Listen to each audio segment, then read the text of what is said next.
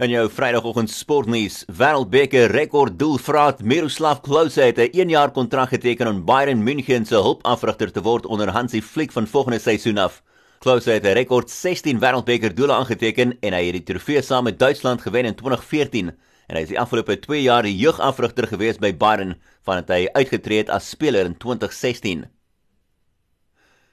Dit is aangekondig dat die coronavirus liefdadigheidsgolfwedstryd tussen Tiger Woods en Phil Mickelson, as ook twee Super Bowl se vierende quarterbacks Tom Brady en Peyton Manning, gaan die 24ste Mei gespeel word by Medalist Golf Club in Florida. Die toernooi sal deel vorm van die PGA Tour en dit sal bekend staan as The Match Champions for Charity, met die vier sportmense wat saam 'n skenking van 10 miljoen dollar gaan maak vir liefdadigheid.